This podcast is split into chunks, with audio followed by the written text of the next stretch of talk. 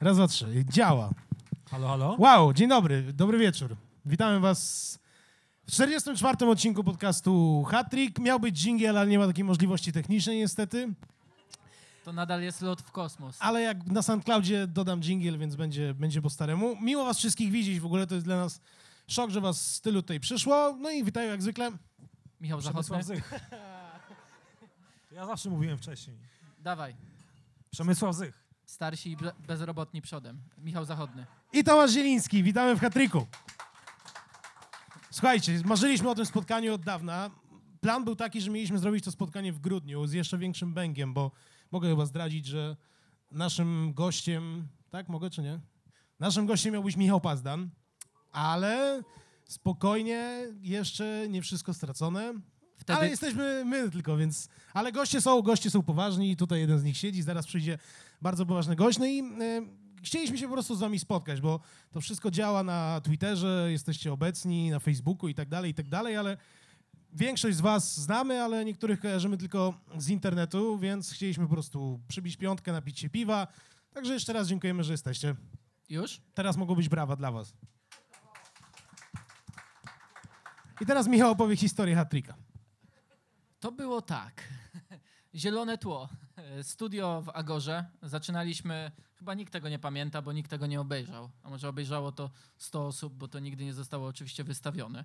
E, Zaczynaliśmy w studiu pod krawatem, że tak powiem. E, Zaczynaliśmy bardzo spięci, bardzo dużo gadający, gadający głównie e, banałami przed kamerą i tak po prostu nagrać wideo dla sport.pl, tak. Tak to się zaczęło. I szczerze mówiąc, e, ten format 15-minutowy, nadal podzielony na trzy segmenty z trzema osobnymi e, tematami, nie wyszedł w ogóle. To było dno dna. E, I wtedy stwierdziliśmy, że kurde, no, w Anglii gadają w podcastach. W Niemczech też fajne Znaczy, było jeszcze inaczej. Było tak, że e, nie wypuszczono naszego odcinka, Czy inaczej, zrobiliśmy 10-minutowy filmik, którego montaż trwał tydzień. a potem był jeszcze Krystian, jeden. to nie twoja zasługa. Więc uznaliśmy, że łatwiej jest zmontować ale nam był podcast. jeszcze jeden, byliśmy na zielonym tle i okazało się, że na zielonym tle nie można być, e, więc tego nie W zielonej koszulce. I w końcu No i uznaliśmy po prostu, krótko mówiąc, że nagrywamy podcast. No i, No po- i doszliśmy tutaj. Tak, 44 czy tam 43 em, odcinki dalej, jesteśmy tutaj. Mam, Było wiele problemów e, z tą dwójką głównie. Jak e, generalnie przypominam sobie początki hat-tricka, to tak, Przemek jest chory, Przemek jest niewyspany, Przemek się nie przygotował, Tomek z ulubionej. Zaczynamy dziewiąta, Raz tak było, jest, raz tak było. jest dziesiąta piętnaście, e, no i tak dalej, i nie, tak aż dalej. tak to nie, ale raz tak było rzeczywiście. Ja przepraszam, ja nie chcę na was narzekać, bo generalnie to jest fajna historia i każda taka historia jest fajna, bo nie wiem, czy pamiętacie. Jest za to odpowiedzialna jedna osoba, która to jest. Radek Kartofliska, pomacham ci. Brawa dla Radka. Aha, za twoje pijaństwo. Tak, niestety. Dobrze. Ehm, było nie, tak, że była ustawa, Zielu pisał a to, to z tym ostatnim. To, ostatnio, to tak, powiedz. że, że przyjeżdża, ma 30, że, że jednak nie, 8.40, że przepraszam, zawiodłem, 8.50, że jest Tak. Eee. Pisał cały czas na Facebooku, ale nie, nie szło się do niego dodzwonić. Ale wjechałem z bęgiem i... Zmień mikrofon. Zmień mikrofon, Przemek. Masz. tyle. Wyłączamy Majka Przemkowi. Jak chciałeś tylko o zielu powiedzieć, jak pijany przyszedł, to Słuchajcie, 130 tysięcy, mam tej liczbę, 130 tysięcy odsłonięć na SoundCloudzie, 3,5 tysiąca pobrań. E, nie mamy stacjów z iTunesa, ale wiem, że bardzo dużo was pobiera. Prawie 50 tysięcy na YouTubie, także tragedii nie ma. 43 podcasty, ten jest 404. No i chcieliśmy to po prostu uczcić benefisem. no, na YouTubie to były zwłaszcza loty w kosmos, chociaż ten e, nasz wyjazd do Białego Stoku to była partyzantka. Nagrywanie na trzech telefonach, jednym dyktafonie, mikrofony kompletnie amatorskie. Jak później, zresztą pewnie część z was słuchała, jak było z Łukaszem Burligą, każdy dźwięk był inny. I, e, I ja to wszystko montuję, żebyście wiedzieli. Oni czekają. Tak. Kie- ej, kiedy będzie hat-trick? Zielu e, montuje po nagraniu wieczornym, zaprawa w ulubionej. O, o 3.40 zaczyna się montaż. O, o 7.00 Chłopaki, wrzucą. już za chwilę, już za chwilę, momencik. momencik. Prawda, to już, to już konfabulacja. 5.30 pisze, a kto napisze opis do odcinka? Wtedy, wtedy Zych pisze opis. Tak? Tak, Zychu jest najlepszy w opisach, to trzeba przyznać. Ale tak wcale nie jest. No ale rozumiem, że wam się, że wam się generalnie podoba. Bardzo nas to mm, Ale mamy cieszy. fanów, powiedzmy, jakich mamy fanów, tak, że dostajemy, Psychofanów. dostajemy informacje na przykład od członka sztabu szkoleniowego Legii, że on wolałby być tutaj dzisiaj z wami niż w Hiszpanii. E, wiemy, że sympatykiem... Momencik. E, Dzisiaj tylko maskant. O, Maskan to był, to był fajny, fajny etap rozwoju hattyka, telefony na żywo. E, Karol Klimczak jest chociażby fanem, prezes Lecha Poznań. Pamiętam jak po meczu, po naszym podcaście, po meczu z Dortmundem 8-4 wrzuciliśmy na Twittera i, i prezes Leśniodorski się odezwał do mnie tam na DM-ie i mi napisał, co tam o nas mówicie, tak? Co tam, czy warto słuchać? No i słucha, słucha. To jest jakby jego pierwszy chyba podcast w życiu. A Pamiętam na, y, na y, jak to się nazywał PZPN-u? Ta książka o szkoleniu.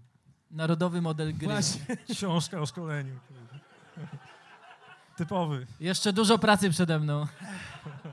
Spotkaliśmy Karola Klimczaka, który opowiadał, że po występie i jego w hat-tricku, i Bogusława Leśniodorskiego w hat-tricku, obaj wymieniali się SMS-ami wysłali sobie docinki a propos ich występów. A w ogóle dzisiaj dostaliśmy koszulkę od, Pokaż, pokaż Przemek. Co tam się stało? od Dariusza Mioduskiego, który pozdrawia, jest, jest szajkowcem, okazuje się. Wow! E, kibicuje Darek Mioduski, więc... e, Numer Tomasza Jodłowca, ale my nie gramy na ruletce. Jesteśmy w szoku i nie ja spodziewaliśmy to widzę pierwszy się. raz. Przemek mi nie chciał pokazać. No, to jest, Ale Przemek już ponoć ubrał i chodził sobie tam w to toalecie. jest, to jest, to jest wielka rzecz. Ciekawe, czy Roman Kołtyn też taką dostał. Ale nie od Dariusza Mioduskiego. Zaczęło się dobrze. No to y, może jakaś poważna dyskusja. A my... A, nie, nie, właśnie, bo mieliśmy, Mail. kończąc y, wstęp taki luźniejszy, y, miałem wam przeczytać mail, którego Przemkowi wysłał jego tato. Tato Przemka jest muzykiem, bardzo, bardzo zacnym. I wysłał mu maila po, przy, po odsłuchaniu jednego z hat-tricków. Uwaga. Dzisiaj w robocie oglądam właśnie wasze trzecie wejście, to już YouTube'owe chyba, tak? Podtrzymuję moje dla was uznanie za stworzenie niezłej formuły, jak to mówią impotenci umysłowi formatu, programu traktującego o sporcie, tu o piłce. Nie wiem, na ile to wasze świadome działanie, ale dobraliście się znakomicie. Początkowo Tomek drażnił mnie nieco swoją dezynwolturą, ale teraz widzę, że bez tego byłoby nudno. Twój kolega z prawej, nazwiska nie pomnę, jest w swojej roli świetny, taki inteligentny, złośliwy cynik, ale da się go lubić. Ty odgrywasz rolę wszystko rozumiejącego patriarchy. Nie ma w tym krztyny złośliwości. Podoba mi się to zr- zróżnicowanie. Brawa dla taty Przemka za świetne podsumowanie hat-tricka. Tato Przemka. No to tak było luźniej, no to teraz poważnie, a że zaczynamy od poważnych gości, to musi być poważnie. Równo prawie rok temu był u nas Dariusz Marzec, prezes Ekstraklasy SA, no i dzisiaj też zgodził się, żeby, żeby do nas stać, to zapraszamy na scenę. Dariusz Marzec!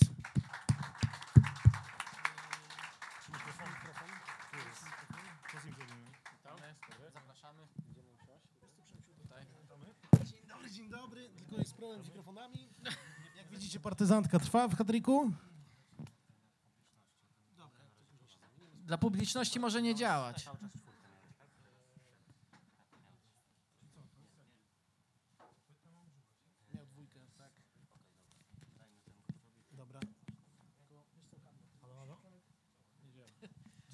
Kabel urwiecie.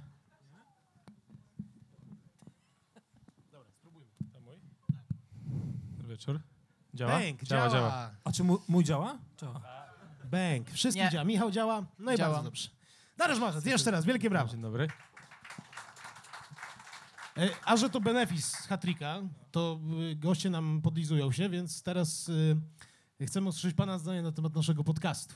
No to już dzisiaj tak widzę z podsumowania, że takie, mógłbym wam ksywki nadać, że tu mamy, e, mamy bajkopisarza, tak, bo to opisy robi dobre. Tu mamy technologa produkcji i mądrale, tak? także, także całkiem dobry skład i myślę, że to jest ten tajemnica sukcesu tego, tego programu, waszego podcastu. Ja od początku e, byłem ciekawy i w ogóle zainteresowany projektem, bo raz, że ta formuła taka y, y, wprowadzania na rynek i dystrybucji specyficzna i ciekawa, nowa, ale myślę, że ten rynek powstaje i ta, ta w ogóle te wszystkie nowe technologie i, i streamy, które, które teraz w internecie się rozwijają, no to faktycznie dobrze trafiliście chyba w punkt, bo, bo myślę, że młode pokolenie, coraz młodsze potrzebuje e, tej komunikacji. Natomiast i odsłuchiwać, co chcą, kiedy chcą. Ale też y, myślę, że podchwytujecie tematy ciekawe. Generalnie, w sensie patrzę jak y, nawet ze swojego punktu widzenia, jak czym my się zajmujemy i jak bardzo wydłużamy perspektywę planowania i myślenia o, o organizacji, o, o lidze, no to wy też zajmujecie się tematami, czy, czy szkolenie młodzieży, czy e, statystyki, które ja uważam, że u nas ciągle jeszcze kuleją i to są tematy, które moim zdaniem są bardzo merytoryczne, bardzo ważne. To one budują fundamenty w ogóle sportu i, i rozgrywek, i ligi, czy całej dyscypliny.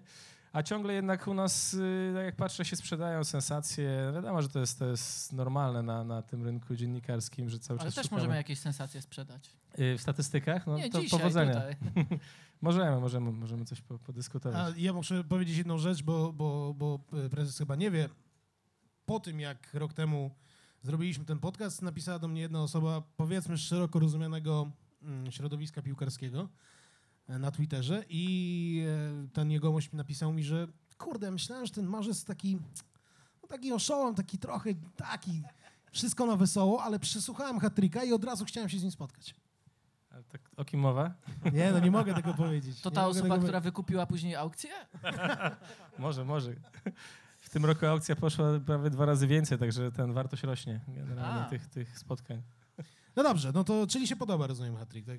Bardzo, bardzo. Tak jak powiedziałem. no, Nawet y, delikatne śmieszki tam z pana Marcina Animuckiego albo coś, to nie, nie ma problemu. A Ale kiedyś, ale były też było pozy- więcej lajków pod, na Tak. Twitterze, prawda? Prezes jednak lajkował wszystkie wpisy nasze, a Tak, w tak. pewnym momencie tak Były czasem retweety, że- prawda? Jesień była intensywna generalnie, trzeba było trochę chyba wys- wystopować, zająć się merytoryką, także też y, pewnie dlatego. Natomiast ja absolutnie, jakby jeżeli tylko mogłem, też pisałem do was, że, że słucham i, i tematy mówię ciekawe i oby tak dalej. No mam nadzieję, że, że nie poprzestaniecie wy, wy, młode wilki dziennikarstwa sportowego. Szukamy sponsora, może jakaś organizacja związana... My, my też, my Ekstraklasą. też. Już nie takie młode. No dobra, to pośmialiśmy się, teraz na, na poważnie. E, Rok temu się widzieliśmy, tak? Co się zmieniło przez ten rok dla Ligi Polskiej, dla, dla Ekstraklasy? Ja y, tak robiliśmy sobie ostatnie podsumowanie i na pewno, na pewno y, no, sami wiecie, u nas się strategia nie zmienia cały czas. y, Cały czas Cały mamy do przodu. Tak, cały czas mamy tą samą wizję rozwoju. Chcemy, żeby kluby się jakby integrowały całe lokalne społeczności. Pracujemy nad poziomem sportowym, pracujemy nad poziomem obsługi kibica na stadionie, nad komunikacją. Także to są te elementy, które mają budować, budować zainteresowanie, atrakcyjność i, no i też przyciągać na stadiony coraz więcej ludzi, więc jakby zmieniło się to, że jest nas y, najpierw o 9% więcej było w zeszłym sezonie, a teraz y, po 20 kolejkach Ale w E, spółce, czy... nie, spółce, to, spółce nie. Spó- Spółka musi być bardzo sprawna, y, efektywna, wydajna i najlepiej jak najmniejsze, najmniejsza ilość etatów. Także e, tego od nas oczekują udziałowcy. Staramy się spełniać te oczekiwania. Natomiast na trybunach, mówię, 9% więcej ludzi w zeszłym sezonie kibiców, a w tym już y, y, o 8% więcej niż, niż w tych samych 21 kolejkach zeszłego sezonu. Także to się zmieniło i to nas, to nas bardzo cieszy. Na pewno też y, doskonale wiecie, jak wyglądało euro, że mieliśmy zawodników od siebie z, z, z Polski, z polskiej ligi też na euro i, i to na pewno jest ważne. W lidze się zmieniło też to, że mamy w końcu przedstawiciela w Lidze Mistrzów po raz pierwszy od 20 lat, także ja myślę, że, że sporo rzeczy dobrych się wydarzyło. e, e, Mamy dużo takich e, powodów do, do zadowolenia, natomiast absolutnie nas to nie, nie do usypia. tak? niezadowolenia. Jak rok temu gadaliśmy, coś się nie ziściło, co, co chciał pan zrobić? Ruch. Coś-? Mikrofon się zepsuł, tak? Jakub Melesiński? Nie, naprawdę. Znaczy, ja wiem, że tutaj y, bardzo niepopularne jest mówienie o pewnych rzeczach, y, które się nie udają i na których powiedzmy, można powiedzieć, się y, potykają organizacje i wszyscy wtedy się cieszą, bo to takie jest, y, no, że je- jemu też się nie udało, tak? E, Na pewno liczyliśmy na szybszy, szybszy rozwój tego projektu, jeżeli chodzi o szkolenie młodzieży. E, To na pewno. Y, Szczerze mówiąc, parę rzeczy nas może nie to, że zaskoczyło, ale okazały się większymi problemami do przejścia niż wydawało się pierwotnie. E, także to, to na pewno. No ale mówię, to, to nie znaczy, że właśnie wczoraj też rozmawiając tutaj z redaktorem Godlewskim fajnie to ujął, że, że po prostu przegrupowaliśmy szyki, zrobi, zrobiliśmy krok y, w tył po to, żeby zrobić kolejne dwa przód, także e, nie poddajemy się i no to jest normalna kolej rzeczy, tak. Nie wszystko się udaje, ale wydaje mi się, że podbudowę mamy całkiem fajną i, i te wyniki i sportowe i, i frekwencyjne są coraz, coraz lepsze i ciężko im chyba, ciężko im chyba, że tak powiem, e, ciężko je zanegować, tak, coraz bardziej. Prezes wymienił trzy elementy, nad którymi pracujecie. E, Wychowywanie kibiców, e, sprowadzanie tych kibiców na stadiony, no jakieś takie marketingowe poprawianie e, wizerunku ekstraklasy. To, co, to, czego mi trochę najbardziej brakuje, to uświadamianie klubów, że one tak naprawdę nie działają do końca profesjonalnie.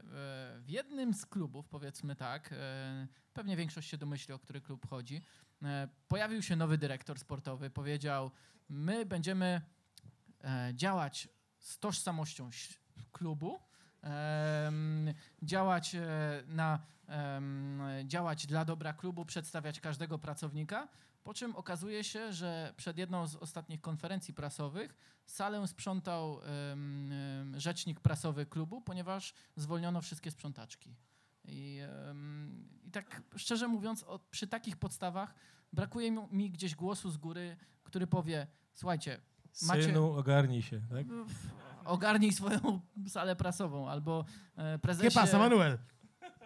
albo prezesie. Ale, ale właśnie, czy Ekstraklasa może działać. coś zrobić? Czy, czy, czy w ogóle myślicie, co z takimi sytuacjami zrobić? Mimo późnej pory intensywnego dnia nie dam się wciągnąć w e, oczernianie klubów ekstraklasy. To są moi udziałowcy. E, To raczej oni mnie oceniają, a nie odwrotnie, także ja nie chciałbym tych wektorów pomylić. Ale dobra rada jakaś. Prawda, taka. y, słuchajcie, prawda jest taka, że wy nie wiecie wielu, wielu jakby rzeczy, które się dzieją za kulisami. No też, Słuchamy. też y, nie o to się... Panie redaktorze, y, moje doświadczenie menedżerskie wieloletnie mówi, że pochwały na forum, a że tak powiem korekty zachowania po cichu i w, w, że tak powiem bez, bez publiczności. Y, y, Powiem wam tak, y, ja cały czas patrzę bardzo, bardzo obiektywnie z dystansem na to, co się dzieje w lidze i, i z klubami. I powiem wam, że im bliżej jestem, tym widzę tą dużą pracę ciężką wykonaną po prostu przez kluby przez lata, więc ja, ja nie jestem wyrywny do tego, żeby szukać takich, takich elementów pojedynczych, bo, bo możemy stracić jakby duży obraz, tak? A duży obraz jest taki, że mamy ponad połowę klubów rentownych, tak? Jak mówimy o tym za granicą, to też y, wszyscy są zaskoczeni, że tak szybko w 4 lata udało nam się y, ten efekt e, fi, finansowy taki uzyskać. Coraz więcej klubów robi naprawdę ciekawe akcje dla kibiców, z kibicami, wciągając ich do, e, do, do kooperacji. No są na pewno, no, nikt nie jest doskonały, zakładam, że się takie sytuacje będą zdarzały. Wiecie, my, my organizujemy dwa, trzy spotkania do roku takie merytoryczne, to znaczy teraz w Gdańsku na przykład y, mieliśmy spotkanie coroczne, w zeszłym roku było na Krakowi w, na stadionie, teraz było na, na stadionie Lechii Gdańsk. No i na przykład na to spotkanie zaprosiliśmy prezesa Bazylei, FC Basel. E, dobry, Rewelacyjny, wzo- dobry wzorzec. rewelacyjny facet. y, Zrobił taki speech i po- powiedział, jak klub y, y, rozwijał się przez ostatnie lata, jak z tego miejsca tam dziesiątego, któregoś tam dziesiątego skoczyli bodajże na czternaste, tak? Jak, jak planują strategicznie swoją pracę, jaka jest rola menadżerów w klubie, jaka jest, jaka jest rola zawodników, jak, jak z nimi pracować, jak się w ogóle zawodnicy zmieniają na przestrzeni lat, bo teraz trzeba pamiętać, że, że zmieniają się pokolenia też y, poszczególnych, y, w poszczególnych krajach i w ogóle globalnie. Także, także duża wiedza, która została przelana do klubów, no i ja liczę, że przynajmniej część z tej wiedzy zostanie w, w głowach, tym bardziej, że jak po, to spotkanie, no to sporo prezesów i sporo menadżerów z klubów powiedziało, że bardzo fajny, inspirujący y, przykład. Potem się odbyły spotkania już indywidualne i dla zarządów, i dla dyrektorów sportowych, i dla marketingu komunikacji. Y, Więc mówię, ściągamy, ściągamy najlepsze przykłady wzorców. No, wiecie, no my, my jako liga pytacie, co, czy coś możemy zrobić. No, my jako i liga jesteśmy, mówię, jesteśmy mm, takim tworem, który należy do 16 klubów i PZPN-u. Więc to my wykonujemy pewne zadania, które zostały nam powielone, powierzone, a nie my będziemy edukować yy, tych, tych yy, właśnie udziałowców, naszych akcjonariuszy, yy, co oni mają robić. Ale to nie znaczy, że nic nie możemy zrobić. Dlatego mówię, to, robimy to, co możemy, inspirujemy, pokazujemy najlepsze wzorce. Zresztą kluby też, yy, trzeba powiedzieć, bardzo chętnie się uczą od tych, od tych najlepszych i obserwują. I zakładam, że jeżeli te pierwsze 3-5 klubów yy, w naszej tabeli, takich najbardziej rozwiniętych organizacyjnie, pewne rzeczy złapie i wprowadzi w życie, no to inne też siłą rzeczy no nie mogą zanegować rzeczywistości, nie mogą powiedzieć, że tego się w Polsce nie da. No, no jak już pięć zrobi, to reszta też musi dołączyć, tak? A ile klubów ma pomysł na funkcjonowanie? To jest pewnie Legia, Lech, Zagłębie, może Jagiellonia. Lechia Lechia. też. Ja myślę, ja myślę że trzy, trzy Elki tutaj mocno, mocno, że tak powiem, się rozwinęły i, i widać, że nadają ton. Natomiast podoba mi się model na przykład w Pogoni Szczecin. Bardzo budowany sensownie. Myślę, że w tym DNA jest gdzieś te, te, te, ten spadek do czwartej ligi, te problemy i chęć niepowielania pewnych błędów. Także widzę dużą pracę i moim zdaniem to są pozytywne przykłady. Absolutnie to topowy, jeżeli chodzi o zarządzanie, y, szczególnie tą częścią sportową rozwoju jest, y, jest, jest Zagłębie Lubin, tak? Także myślę, że każdy klub gdzieś, no co ciężko powiedzieć, żeby Krakowia odstawał jakoś bardzo operacyjnie, stadionowo, infrastrukturalnie. Scoutingowo super. tylko. Jeż- Jeżeli chodzi o, tak, no sport wiadomo, że to jeszcze trzeba ustabilizować, ale zakładam, że też klub się uczy i to, to jest proces, tak? Także ja mogę coraz więcej przykładów podawać, tym bardziej, że jestem blisko i, i, i widzę tą ciężką pracę. Także ja będę pokazywał te plusy, nawet chociażby dlatego, że, że wiele osób y, szuka tych minusów i tam próbuje coś negatywnego powiedzieć, to, no to trzeba dla równowagi pokazać jednak, co się udało, tak? To ja tutaj pomogę. Manuel Hunko po przyjściu do Wisły, czyli nowy hiszpański dyrektor sportowy, poprosił o listę zdolnych piłkarzy z Akademii Wisły od U13 i listę piłkarzy obserwowanych przez scouting Wisły o rozpisany model gry, dokładne dokumenty, co się tam dzieje, tak? Czyli, to, Dostał pięć kartek. czyli dosyć sytuacja taka Żółtych czy? taka niespotykana w Polsce, tak? Czyli to może będzie kolejny klub taki z pomysłem, e, chociaż, chociaż tak naprawdę wszyscy, wszystkim nam się wydaje, że ta Wisła, że tam się nic fajnego nie dzieje, to jednak jakieś zaczątki stawiania na młodzież są i wiem, że wiosną pojawią się kolejni wychowankowie. Już dzisiaj wiadomo, że będą debiutować. No ja jeszcze dodam, bo, bo uciekł mi jeszcze jeden przykład. Jagiellonia bardzo moim zdaniem też ciekawie rozwija koncept, bo i patrząc na finansowe aspekty, bardzo stabilny klub, y, też złapał tą stabilizację, już pewnie nie popełni błędu sprzedaży czterech do sześciu tych najkluczowych zawodników po jednym sezonie, co, co się wydarzyło dwa sezony temu. Lechia widać, że z trenerem Nowakiem bardzo mocno e, ustabilizowała ten, ten, ten temat też e, sportu, Kadrowy. rotacji kadrowy. Także naprawdę, no ja mówię, ja bym mógł dużą, dużą część e, tych plusów wymienić e, i zakładam, że im więcej tych klubów po prostu się ustabilizuje w temacie sportu i biznesu, no to, to też inne będą miały wzorce tutaj lokalne do naśladowania, tak? My się tak zastanawialiśmy z Michałem i Przemkiem przed tym spotkaniem, jaki, bo o przeszłości już, już, już porozmawialiśmy, to o przeszłości.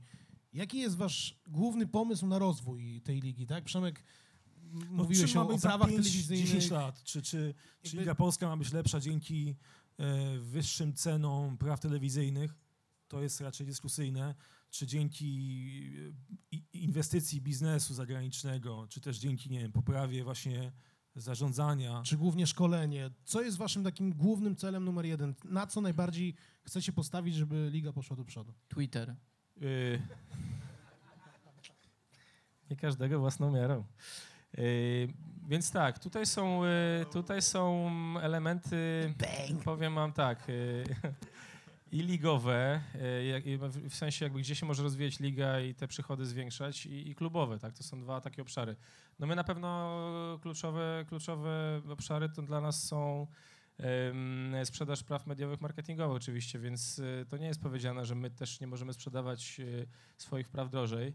e, Ale bo, dużo lepiej? Mm, no, ciężko mi na dzisiaj powiedzieć. No, ostatnio po- poprawiliśmy o 30%. No to pytanie, czy to... No i tak właśnie dużo, gdzie jest sufit? mało? Gdzie jest sufit, jeśli chodzi, jeśli mówimy o... No bo wszystkie prawa kluby na to liczą, prawda? One z tego żyją, po prostu. To prawda. Jednocześnie my cały czas powtarzamy, że to, to sami tego nie zrobimy, tak? Jednak tutaj jesteśmy organizacją i jesteśmy takim jakby, dru- każdy klub jest jakby zawodnikiem drużyny ekstraklasowej, tak?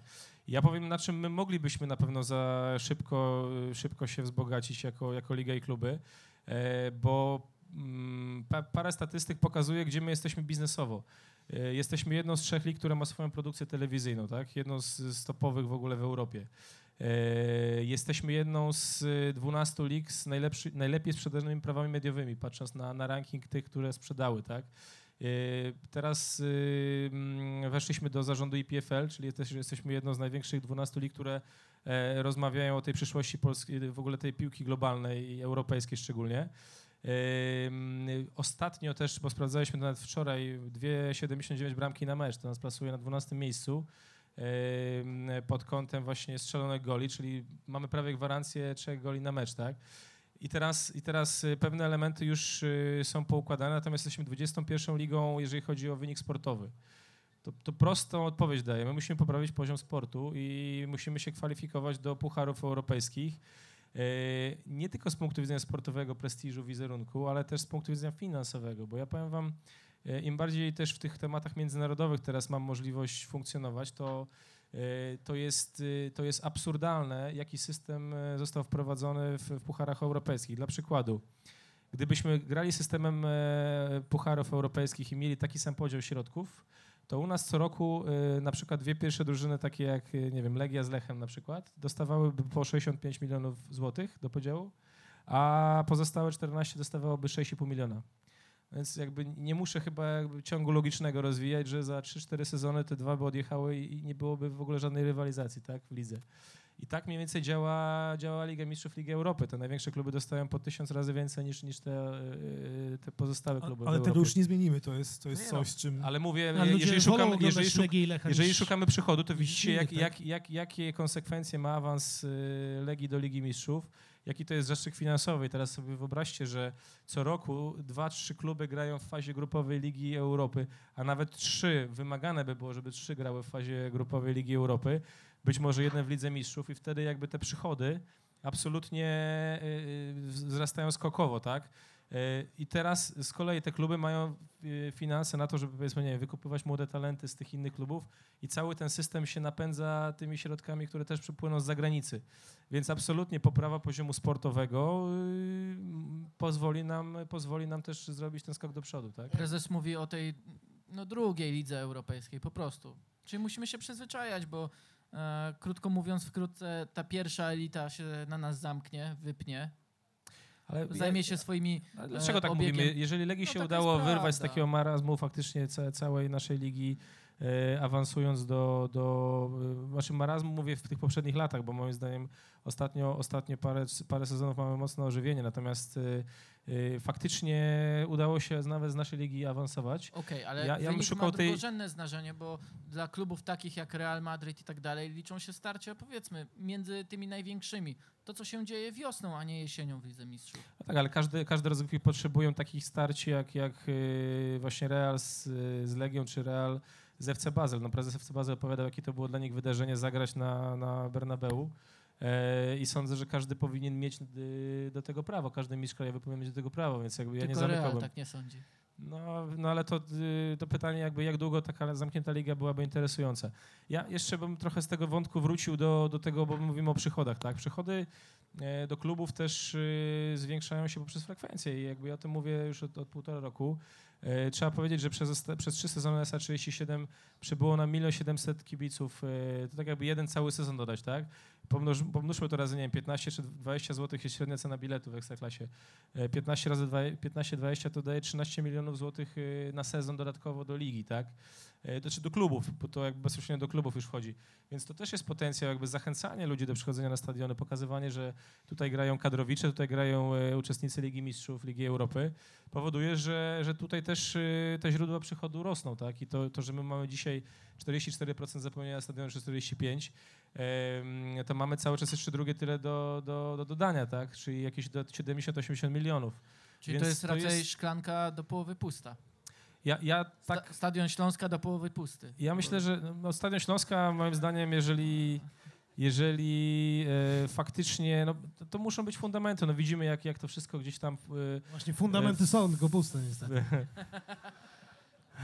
e, mówię, mówię o fundamentach oczywiście biznesowych i sportowych. No, jak już mamy być tacy precyzyjni, to, to tak Okej, to a, a w jaki sposób ściągnąć biznes zagraniczny do Polski? Czy to jest inwestorów, e, właścicieli, chociażby ten pusty Śląsk, Wrocław potrzebuje właściciela. E, Bardzo. jest Ktoś? kilka chętny? klubów, które mogą być przejęte. E, czy to jest coś, co wy jako spółka ligowa powinniście robić, czyli dajmy na to Szukać jeździć na jakieś jeździć. konferencje, konferencje Na w przykład, no, Genewie, to, to nie gdzieś tam taki... się pokazywać jako liga, która szuka tych, tych y, inwestorów? To nie jest taki absurdalny pomysł. Chiny na przykład. Czy to same kluby powinny szukać indywidualnie? Czy może właśnie wy powinniście stworzyć jakąś taką podmiot wewnątrz ekstraklasy, który by się tylko, tylko tym zajmował? Wiecie, to, to, to jest tak, jak, jak y, to są takie fajne tematy, bo ludzie lubią e, milionerów czy miliarderów, ludzie lubią takie firmy jak Facebook czy, czy Twitter, tak, i one się sprzedają za gigantyczne, za miliardy. Ale to są, to są, to są pojedyncze przypadki w skali globalnej. To, to raczej bym powiedział, e, jest, jest y, promil tego, co się dzieje na świecie, jeżeli chodzi o biznes. E, I tutaj trochę tak jest. No nagle teraz znajdziemy kierunek Chiny, tam będziemy szukać inwestorów.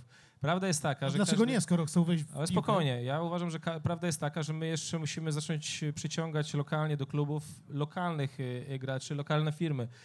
Y, Weźmy pod uwagę, że coraz więcej firm w Polsce jest już globalnych i działa na, na rynkach międzynarodowych i po prostu nad nimi jeszcze trzeba popracować, żeby oni widzieli, Oknoplast, tego typu rzeczy. no, no brawo, tak, jakby oni już chcą się promować za granicą, ale dlaczego nie, nie, jakby nie, nie, nie promują się w kraju? Tutaj należałoby trochę z tym naszym biznesem porozmawiać y, najpierw, a To- potem Ale ewentualnie właśnie, szukać wy to macie rozwiązań. robić, wy to możecie robić, Ale wy my, to... my, my cały czas to robimy, robić? tak, my to cały czas robimy dla, dla ligi, tak, yy, szukamy partnerów. E, Natomiast no, kluby, kluby mają swoje działy, które też muszą jakby angażować do tego, żeby przyciągać lokalny biznes. I myślę, że, że tutaj bym szukał pierwszego kroku, tak, E, jak najwięcej nawet tych mniejszych firm lokalnych, które czasami nawet nie wierzą, że mogą się promować przy klubach ekstraklasy. I może ich trzeba zachęcić e, i wiem, że to się dzieje.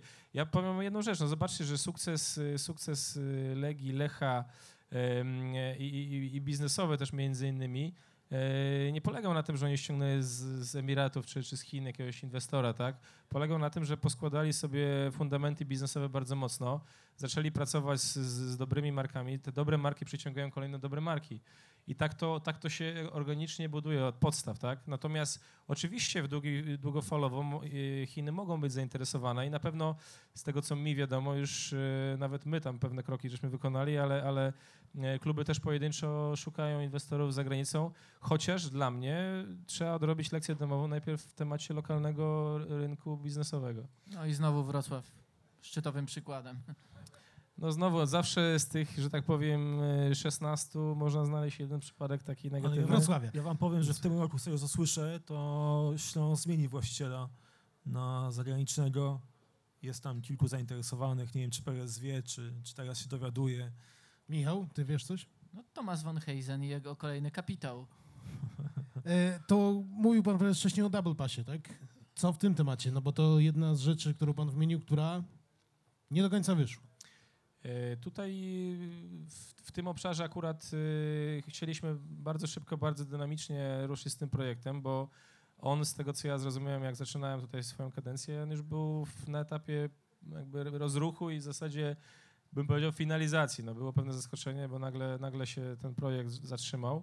E, W związku z tym my też e, trochę przystopowaliśmy, bo chcieliśmy zrozumieć, jak wygląda współpraca Double Passa z innymi ligami na świecie, tak? W związku z tym e, zorganizowaliśmy dla części klubów wyjazd do Akademii Eintrachtu Frankfurt.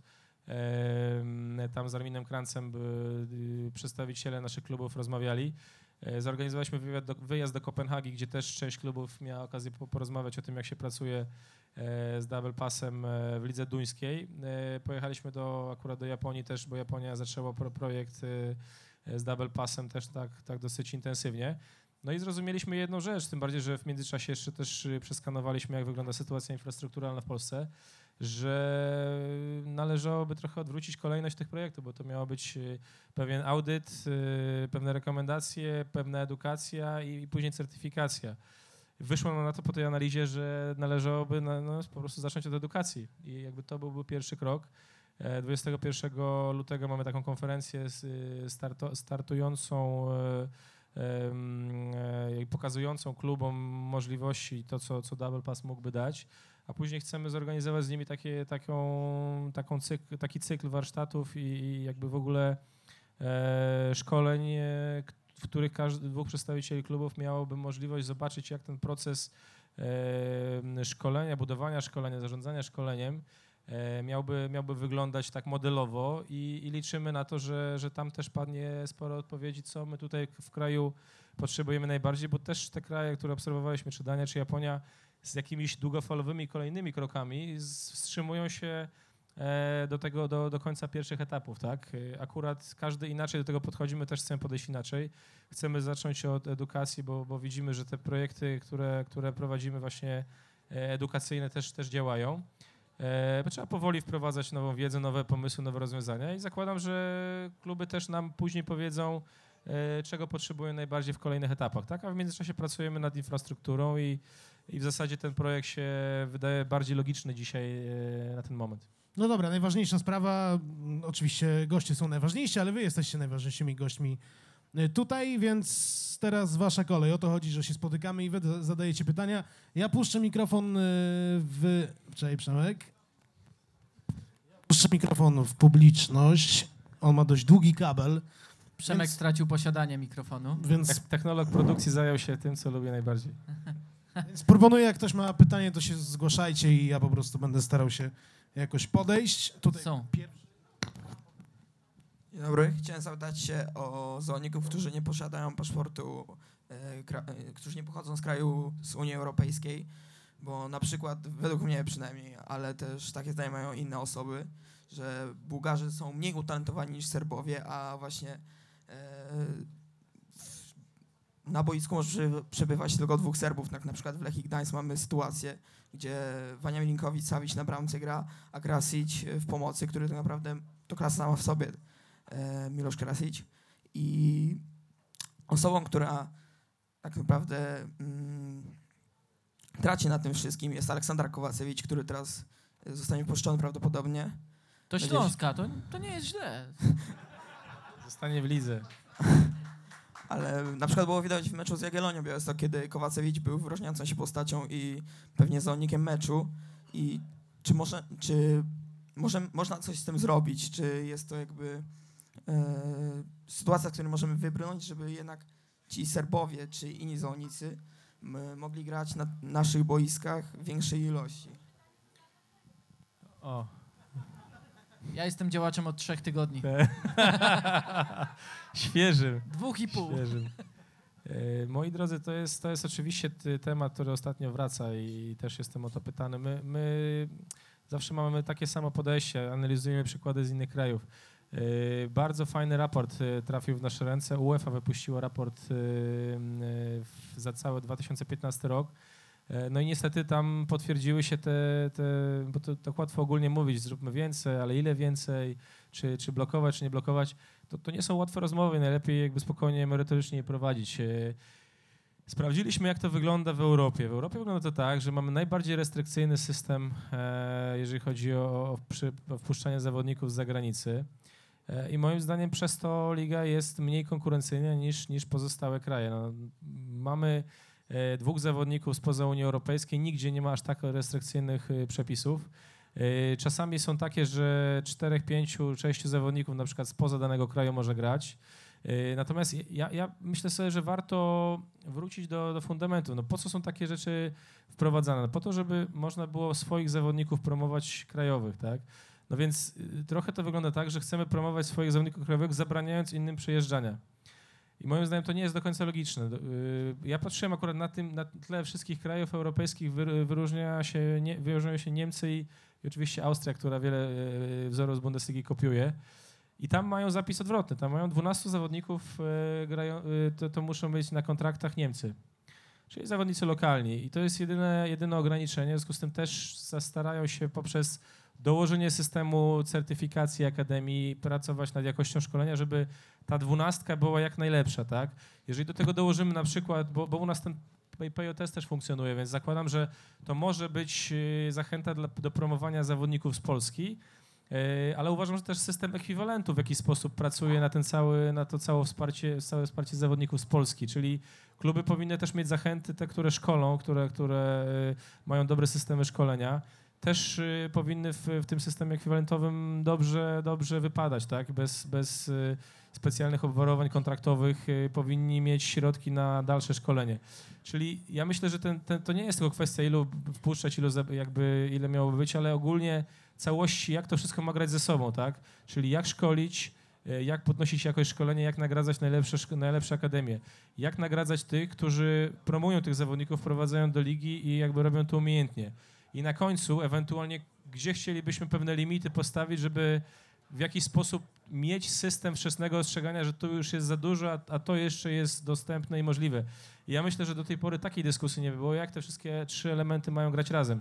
I ja mówię, ja, wydaje mi się, że żeby być konkurencyjnym dzisiaj, patrząc szczególnie na te przepisy, e, które są w Unii Europejskiej i wiele, wiele w ogóle kontraktów między krajami bilateralnych, czyli Portugalczycy, którzy podpisali sobie umowę z Brazylią i w zasadzie traktują zawodników jak, jak swoich, niezagranicznych, no to tu, tutaj już widzimy, że oni szukają tej Ale my nie konkurencyjności. podpisujmy z Brazylią. Nie. Nie, ja akurat tego też nie uważam, ale właśnie tak jak wspomniani Serbowie, czy pasujący nam kulturowo, czy, czy Ukraińcy, moim zdaniem, dlaczego, dlaczego akurat nie? Pogoń już kiedyś podpisała z Brazylią. Absolutnie. Ja, ja też jestem przeciwny ty, tym ekstremalnym sytuacjom, żebyście mieli jasność. Jestem za liberalizacją, bo uważam, że nie jesteśmy konkurencyjni, ale też absolutnie nie wchodziłbym w jakieś drugie, w drugie ekstremum, że nagle wszyscy przyjdźcie i... No bo to też rodzi pewnego rodzaju, tak powiem, jest mało wtedy yy, tych instrumentów wczesnego ostrzegania. No i Ja to myślę- z PZPN trzeba rozmawiać. Ja myślę, tak? że- Dlatego siedzimy Michałem. na Tak, jednej e, kanapie. Ja ten, zdejmę ten uniform, włożę garnitur, zapraszam do swojego biura przy bitwie Albo ja się warszawskiej. przebiorę w, w ten. W zapraszam koszulkę. też Joy Division, pan może The Clash. Em, tak naprawdę myślę, że musimy w tym temacie najpierw zastanowić się, jak wprowadzać Polaków, a dopiero potem Brawo. myśleć o Serbach. Jest Też, też się zgadzam. E, To ja mam takie pytanie, ponieważ e, Bartek Iwański. E, Kluby ekstraklasy otrzymywały od UEFA mniejsze pieniądze za swoich reprezentantów na Mistrzostwach Europy w tym roku niż reprezentanci lig najmocniejszych, typu angielska, hiszpańska, niemiecka. I czy można to jakoś zmienić, bo ja w tym sensu za bardzo nie widzę, bo to jest dalej faworyzowanie tych bogatszych i silniejszych teoretycznie i zwiększanie jeszcze różnicy między ligami. To pierwsze pytanie, a drugie, e, który Jacek Zieliński jest lepszym trenerem? Czy ten, e, ten z Legii był asystent z Młody, czy ten z Krakowi obecnie? Dziękuję. To jest jasne chyba. Tak, To chyba nie mnie odpowiadać, to może tutaj kolega odpowie na to pytanie. Pierwsze pytanie. Ja powiem tak. No niestety, tak jak powiedziałem wcześniej, powtórzę. Uważam, że ten system e, zbudowany przez UEFA, jeżeli chodzi o Puchary Europejskie i, i ogólnie podział środków e, w ramach UEFA nie, nie buduje takiej e, wyrównanej rywalizacji. I myślę, że w dłuższym okresie czasu i, mam dużą nadzieję pokładam dużą nadzieję w nowym prezydencie UEFA, w panie Czeferin, tak, pan Aleksander Czeferin, że on w jakiś sposób, będąc przedstawicielem tych mniejszych krajów, jest w stanie e, zbudować e, in, inny trend. Na razie trend jest taki, że ta przepaść między tymi największymi a tymi mniejszymi e, rośnie.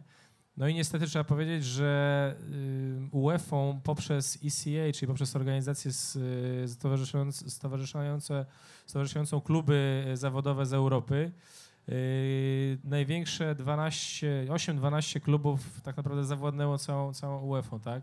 I to tam zapadają decyzje, tam, e, tam zapadają takie właśnie decyzje, których ja też nie rozumiem. Teraz dopiero zaczęliśmy rozmawiać i, i cieszę się, bo i przedstawiciel Bundesligi, i przedstawiciel Ligi Angielskiej są na tych naszych spotkaniach e, i PFL. E, oni też widzą ten problem, bo tak na dobrą sprawę też im się tworzą li, ligi dwóch prędkości. Ci, co grają non-stop w lidze mistrzów Lidze Europy ciągle dostają te 50-40 milionów więcej niż, ta, niż cała reszta. E, Natomiast to naprawdę nie jest łatwy proces i to są pewne rozwiązania, tak jak teraz mam, mieliśmy nowy system e, rozgrywek e, Pucharów Europejskich na kolejne trzy lata. Ja sądzę, że i, i tu jest nasze działanie i PFL. Mamy spotkania z, z, z UEFA i z ECA i przekonujemy, że żeby zbudować atrakcyjny produkt, y, bo tu jest pokusa, żeby iść do ryn w rynki azjatyckie, żeby tam, e, widzicie jak, jak mecze Ligi Angielskiej są teraz ustawiane, 12, 13, to jest, to kiedyś to było niemożliwe. Liga, Liga włoska co 12. chwila gra w południe, tak? No to, to ale nie idźmy w tym kierunku. No, Już ja była kiedyś też- sobota 13.30. To... ja, ja, też, ja, ja też uważam, że to jest, to jest za wcześnie, że, że trzeba w sobotę, że tak powiem, się po, pobawić, a potem w I niedzielę anulujmy odpocząć. poniedziałki, naprawdę. Tak, tak. Słuchajcie, to są rozwiązania, które akurat też idą, yy, pozostałe ligi też widać idą tym, tym tropem, yy, te największe, tym, co myśmy wcześniej wprowadzili. Ale wracając do tego, to jest bardzo trudny proces, natomiast coraz więcej ligi widzą to wszystkie.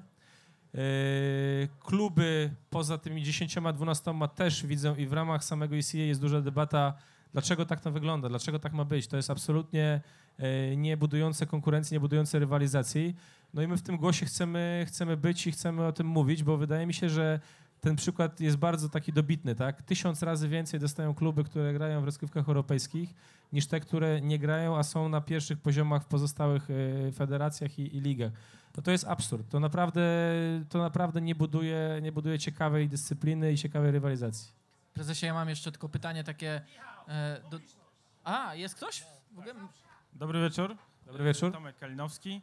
E, Mam pytanie, czy istnieje jakaś platforma jakby wymiany, mm, nie wiem, doświadczeń, danych, informacji między klubami ekstraklasy, bo tak jak, nie wiem, powiedzmy, podam skrajny przypadek, tak jak kilkanaście lat temu Bayern Monachium e, wsparł Borussię Dortmund tam kilkoma milionami euro, żeby przed e, bankructwem, no, w Polsce, no to ruch Chorzów, no wiadomo, Czy Legia to... pożyczy 30 milionów ruchowi? Nie no, nie przesadzajmy, jak teraz shootout między właścicielami Legii Warszawa, no to pieniędzy na to nie będzie, ale generalnie chodzi mi o to, tak jak y, wy mówiliście w którymś z ostatnich hatryków, jak była konferencja na Legii i tak naprawdę przedstawiciele klubów y, przychodzili na tą konferencję tylko wtedy, kiedy mieli y, występować i tak dalej. Czy jest jakby jakaś platforma, gdzie ci przedstawiciele klubów mają się by, wy- wymieniać doświadczeniami, żeby właśnie, tak jak pan prezes wcześniej wspomniał, że y, żeby ta liga nie tylko właśnie na, na tych trzech elkach jakby, że tak powiem, jechała, tylko że jakby wszyscy, wszyscy od góry do dołu jakoś powiedzmy wspólnymi doświadczeniami, żeby to wszystko pięło się w górę, że nie tylko jakby ranking rósł tylko właśnie dzięki Legii albo Lechowi, ale też jakby, że na przykład, nie wiem, Zagłębie przebrnie przez te wszystkie progi eliminacji do Ligi Europy i awansuje do, do Ligi Europy. Właśnie, czy jest jakieś takie, takie pole wymiany doświadczeń między wszystkimi klubami od pierwszego do szesnastego? Był pomysł kasy zapomogowo-pożyczkowej, prawda? Przy okazji wyborów w PZPN to był jeden z, z punktów listy ekstraklasy. Moi drodzy, to jest tak. e, My od, e, my od półtora roku, e, w zasadzie od wielu, wielu lat bardzo mocno stawiamy na know-how i jesteśmy organizacją taką nową, młodą, nowoczesną, e, z otwartą głową. I y, jak mamy problem jakiś, to pierwsze co robimy, to analizujemy sytuację w Europie. Jak sobie poprzez IPFL dostajemy sporo informacji na temat tego, co w ligach się dzieje i zaciągamy tą wiedzę po prostu z innych krajów, jak oni sobie w podobnej sytuacji poradzili, bo wiele krajów już przez te problemy, które my mieliśmy, przechodziło, tak? Potem y, y, taki sam sposób myślenia przenosimy do Polski. Y, mamy, mamy, tak jak powiedziałem, kilka razy do roku spotkania. Mieliśmy dwa razy spotkania y, sędziów, o, o dziwo, sędziów z, z trenerami, z kapitanami drużyn, z prezesami, gdzie rozmawialiśmy o tym, jak, jak podejść do tematu sędziowania, żeby sędziowie też przy, przybliżyli klubom jak pracują, jaki to jest, jaki to jest trudny kawałek chleba, jak, jak ta piłka się zmieniła, jak trudno jest naprawdę na wysokim poziomie sędziować, ale też pokazywali, jak się do tego przygotowują. Widać, że to jest w pełni profesjonalny proces, tak? Mieliśmy co najmniej trzy spotkania, jak sobie przypominam, bo Krakowia, w Poznaniu i teraz w Gdańsku. Jeszcze na początku sezonu w Warszawie spotkania dla marketingu komunikacji, gdzie też pokazywaliśmy na przykład różne metody przyciągania kibiców na, na stadiony, różne, różne rozwiązania, jak, jak, jak y, w ligach czy, czy w klubach się to robi, tych największych. Przepraszam, że przerwę, ale to też e, będzie ciekawe. Robiliście to też na negatywnych przykładach z samej ligi. No tak, generalnie pokazujemy te trudne przykłady i dyskutujemy o nich, bo, bo wydaje mi się, że to wtedy się ta, ta wiedza też utrwala, żeby pokazywać, co robić, czego nie robić, czego unikać tak na dobrą sprawę, bo, yy, no bo też, też te, te błędy się zdarzają, ale też absolutnie my ich w jakiś sposób nie wyolbrzymiamy, nie demonizujemy, dlatego że proces nauki na tym polega. No, trzeba się trzy razy potknąć, żeby, żeby w końcu za czwartym coś się udało. Więc yy, pokazujemy tą, przekazujemy tą wiedzę e, w temacie komunikacji marketingu. Teraz y, mówiąc o finansach, no my sami też szukamy rozwiązań. Teraz prowadziliśmy w październiku zeszłego roku takie rozwiązanie, e, nie wiem, nie chcę was zanudzać, bo tutaj jest sport najważniejszy, już to kilka razy słyszałem, no ale w biznesie też na przykład rozwiązania faktoringowe poprawiające płynność klubów.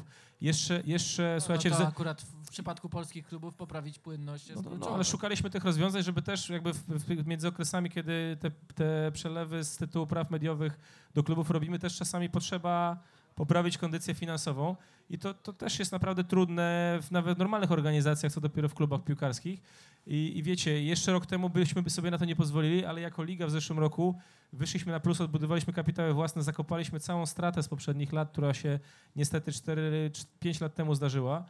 I w związku z tym staliśmy się dla banków yy, wiarygodną instytucją też do, do właśnie takich pożyczenia na, na jakichś tam zasadach yy, pieniędzy, ale nie dla nas, tylko dla, dla klubu, dla naszych udziałowców. Czyli Także, były takie także jesteśmy, tak? jesteśmy to, proszę. Były takie przypadki, że klub poprosił was. No już, już tak, już ale was uruch- jako ekstraklasę? tak, uruchomiliśmy takie narzędzie, ale to jest, to jest słuchajcie, narzędzie, które w biznesie normalnie funkcjonuje. No, factoring funkcjonuje normalnie. Będę miał fakturę za, za pół roku, ale dzisiaj potrzebuję środków, więc jakby w ramach, w ramach tego factoringu można, można te pieniądze dostać wcześniej.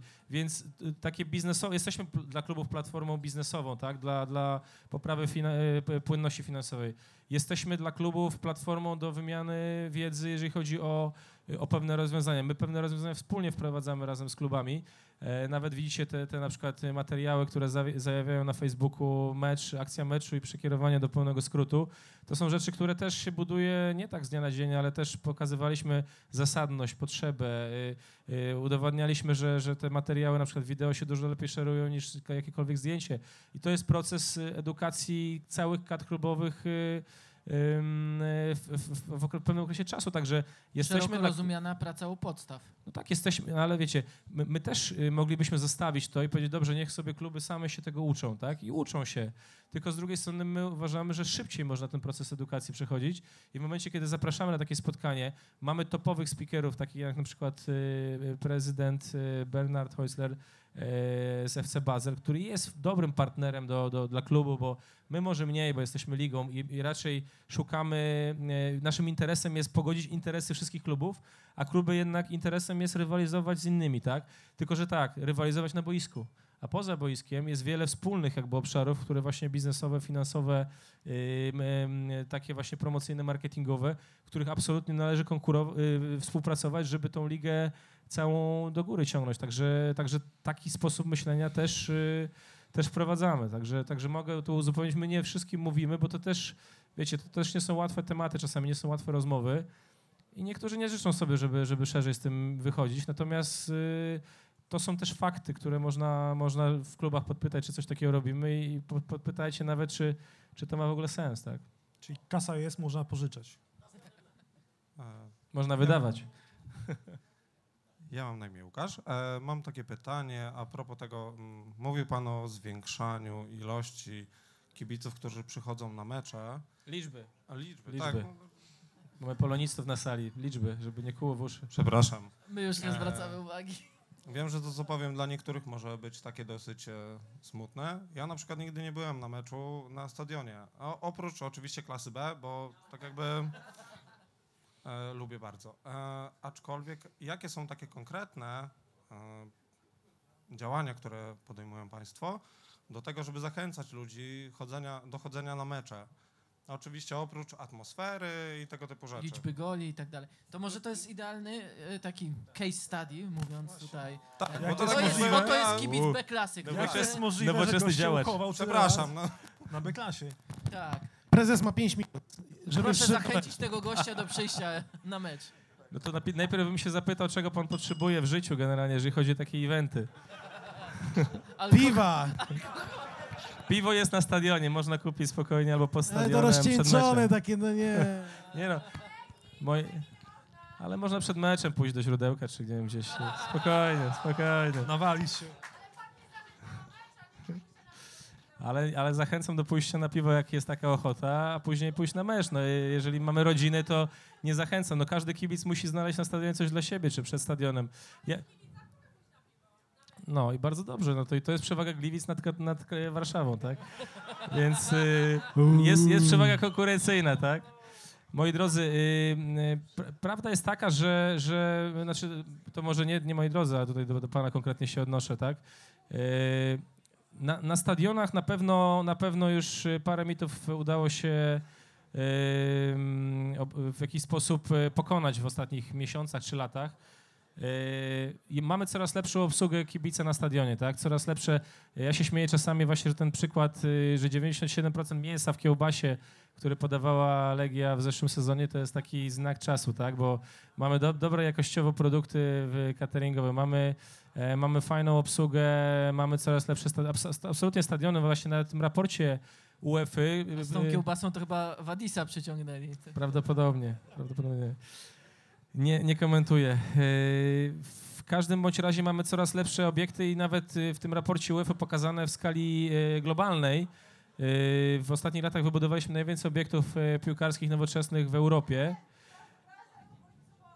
Proszę? Każdym razie, bądź sobie. Bądź co bądź. tak. Dobrze. Y, ciężko się przebić tutaj w ogóle z komunikatem. Tak, dokładnie. Proszę, proszę no, namierzyć tutaj na GPS-ie. Yy, także w, ka- w każdym razie dla każdego, dla każdego coś można znaleźć. My, no wiemy, wiemy, po co się chodzi na mecze. Po, po, na mecze się chodzi po to, żeby były emocje i po to, żeby, żeby poczuć się częścią tej, tej większej całości. Teraz yy, mamy coraz, coraz yy, bardziej zapełnione obiekty, szczególnie w tych meczach hitowych. Yy, nic nie powinno przeszkadzać. Bilety kupowane przez internet. Fajny catering, fajna atmosfera. Yy, także uważam, że coraz lepszy poziom sportowy, sporo bramek. Yy, no zależy, co, co pan yy, lubi, czego pan oczekuje od eventu piłkarskiego. Ja myślę, że nam już dużo tutaj nie brakuje, patrząc na, na jakość tego widowiska.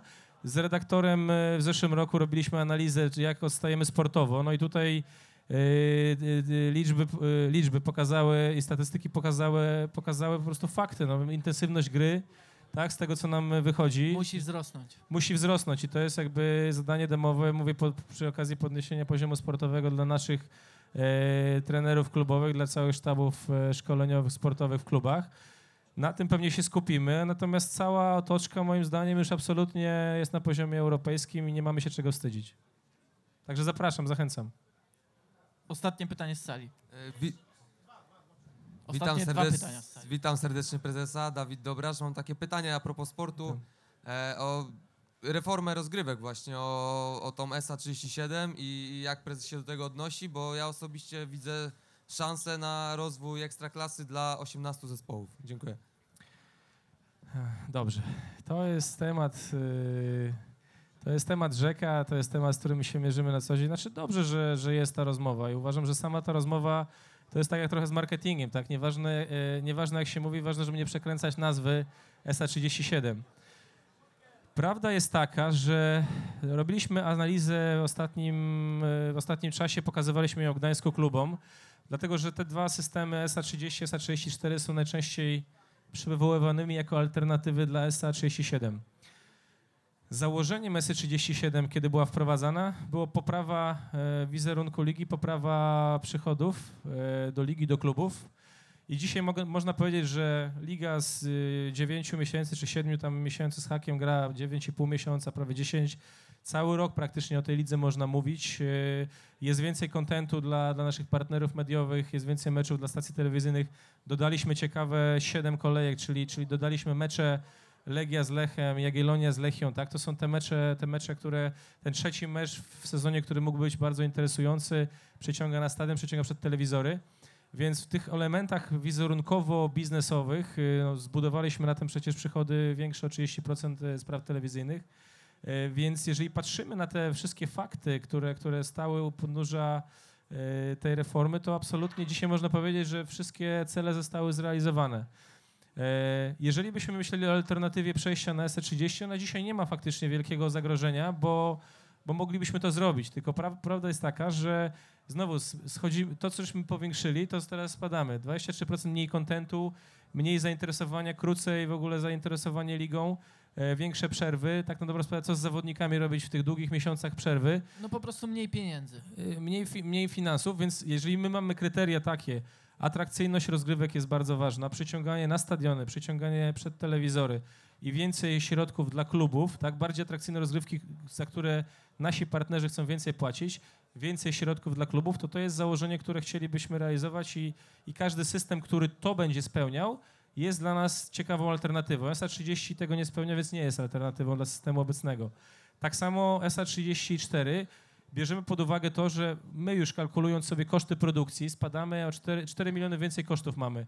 Yy, dzielimy środki między 16, yy, 18 klubów, a nie 16, to już jest około 1 300, 1,5 miliona mniej dla każdego klubu, więc znowu te kryteria nie są spełnione. Jak jeszcze powiemy sobie, że dokładamy mecze drużyn, które awansują, czyli tych słabszych, a zabieramy te, te z tej siódemki, z tych y, finałowej, z tych najlepszych meczów, no to znowu wymieniamy coś dobrego na coś gorsze. Także z punktu widzenia nas, jako, jako y, przedstawiciele ligi, jako, jako y, partnera dla klubów, który ma im pomóc i ich wspierać i im przynosić coraz więcej środków do funkcjonowania, coraz lepszy know-how, coraz lepsze warunki do konkurowania, no to absolutnie ten system nie, nie jest też alternatywą realną. Więc ja- mówię, ja jestem otwarty. Dla nas dzisiaj ten system jest systemem, może funkcjonować na, na wiele lat i to na dzisiaj tak bym to podsumował. Natomiast jeżeli ktoś przyjdzie z dobrym pomysłem i powie, słuchajcie, y, można to zmienić y, i to jest takie rozwiązanie, to okej. Jeszcze jedną rzecz powiem, bo mówi się czasami, a ten system nie, nie funkcjonuje nigdzie, nigdzie w Europie. Słuchajcie, 5, 2007 rok, pięć lig grało systemem inny niż tradycyjny. Dzisiaj taki lig jest 7, y, 17 bodajże, tak, a 17, a, a 6 lig dzieli punkty. Czyli jakby jesteśmy absolutnie w tym, w tym, w tym takim nurcie y, rozwojowym, który musi być realizowany przez ligi średniej wielkości. Ja powiem wam tak, w sporcie przyciągają gwiazdy i ciekawe widowiska, tak? I teraz tak, czy my mamy gwiazdy? Mogę, mogę powiedzieć, że wszystkie gwiazdy wyjechały. Na jednej ręce. Wyje, większość gwiazd wyjechała za chlebem do Anglii, do Niemiec, tak, do tych topowych pięciu lig. I to będą, ja jestem, ja mogę, nie wiem, mo, mogę być jakimś tam prorokiem, który nie, nie sprawdzi się jego przepowiednia, ale moim zdaniem te systemy tradycyjne zachowają się tylko i wyłącznie i to najdłużej w tych ligach największych, najbogatszych, bo tam są gwiazdy i tam nie trzeba kombinować z systemem, żeby zrobić atrakcyjność. Jeżeli mówimy o, o, o- o całej, y, powiedzmy, drugiej dziesiątce lig, czy, czy nawet od szóstego w górę, to te ligi szukają już rozwiązań, które jak nie mam gwiazd, to muszę sobie znaleźć inny rodzaj przyciągania kibica i budowania atrakcyjności widowisk. I tak robiła pierwsza liga belgijska, my byliśmy drudzy. Yy, Holandia była u nas w zeszłym roku, oglądali mecz w Warszawie, oglądali mecz w Niecieczy, patrzyli jak my yy, robimy ten system, jak, jak, go, jak on funkcjonuje. Serbia gra naszym systemem. Yy, Bułgaria będzie chciała wprowadzić nasz system. Rumunia pracuje z y, Hypercubem, żeby taki system wprowadzić. Austria ogłosiła w grudniu, że wchodzi w system też z podziałem na grupy i z, po- i z podziałem punktów od 2018 roku, więc my absolutnie jesteśmy w awangardzie, jesteśmy, jesteśmy ligą nowoczesną, która jest odważna i musi szukać tych rozwiązań, Czyli nie żeby się reformy. rozwijać. Czyli nie będzie reformy, tak zrozumiałem. A jest sygnał, że za długo gadam, dobrze? To Ostatnie pytanie ma być personalne podobno, nie wiem. Dobra, w końcu pytanie od kobiety, bo żadna kobieta nie dostała mikrofonu w, dzisiej, w dzisiejszej rozmowie. Dzień dobry. Pozdrawiam wszystkie kobiety na To widowni. może pani Karolinę zapyta, bo ona tak lubi z kobietami rozmawiać. Dobrze, pytanie będzie bardzo personalne. Oczywiście pozdrawiam wszystkich z Hatrika, pozdrawiam Tomka, Przemka i oczywiście Michała Zachodnego. I pytanie A, będzie a mogę nie odpowiedzieć, do będzie pana zbyt personalne? prezesa. Będzie pytanie bardzo personalne, ponieważ e, my tu jesteśmy ze Stalówki. O, I to będzie pytanie bardzo, bardzo poważne dla pana w tym momencie. Proszę się skupić. dobrze. Pytanie jest takie. Kiedy Stalówka, Stalowa Wola w końcu wejdzie do Ekstraklasy? Raz, dwa, trzy, start. No, ja, mi się podobało zawsze, to, jest takie Dziękujemy. pytanie, pytanie, na które można odpowiedzieć, e, bodajże Tomasz Opicki kiedyś odpowiedział, kiedy się, kiedy się przeniesie do Liverpoolu. Yy, że jak wróci z Radomia, do Radomia się nie wybiera, tak? Yy, ja, ja nie wiem dzisiaj, ja nie wiem dzisiaj, yy, ciężko mi powiedzieć, ja też bym chciał, żeby, żeby Stalówka wróciła, bo ja pamiętam mecze z 80 lat, yy, kiedy, kiedy graliśmy w Ekstraklasie i to, to nie jeden sezon. Yy, mieliśmy środki, żeby rywalizować na najwyższym poziomie. Teraz wiem, że Centrum Podkarpackie Sportowe, Piłkarskie się tworzy w Stalowej Woli, więc jest duża inwestycja. Natomiast no, tutaj potrzeba zebrać parę elementów y, bi- biznesowo, finansowo, sportowych, żeby to zadziałało. Także ja bym chciał pewnie w długiej perspektywie zobaczyć jeszcze Stalową Wolę, Siarkę Tarnobrzeg może, nie wiem, panowie, tak trochę dla was, żeby było trochę miodu. E, na, natomiast to są fajne marki, to są ciekawe marki. Myślę, że, że e, dla takich marek jak, jak Brookbet, czy Stalówka, czy Siarka, ja bym nie zamykał drzwi do żadnej ligi. E, jednocześnie to trzeba być realistą, tak? Patrząc na to, co zrobiła Legia, co zrobiła Lechia, Lech, to jednak duże miasta, myślę, będą dominowały w, w Ekstraklasie w przyszłości, bo jednak e, piłka nożna stała się pewnego rodzaju biznesem, tak? I tam trzeba naprawdę mieć dużą, dużą grupę kibiców i dużą bazę fanów, żeby zbudować wielki klub, także e, sentymentalnie, emocjonalnie tak, jestem, jestem za, natomiast e, racjonalnie sam nie wiem, co mam powiedzieć na to, na to pytanie. Nigdy nie zagra, to ja odpowiem za prezesa. Yy, Czyli, czyli tyle, ile siarka też nie zagra, tak? I o to chodziło. Da- Z prezes. Ekstraklasy SA. Dziękujemy bardzo panu prezesowi. Teraz robimy 10 minut przerwy na papierosa, piwo i po przerwie Piotrek Żelazny i Łukasz Wiśniowski będą na scenie. Dziękujemy prezesie.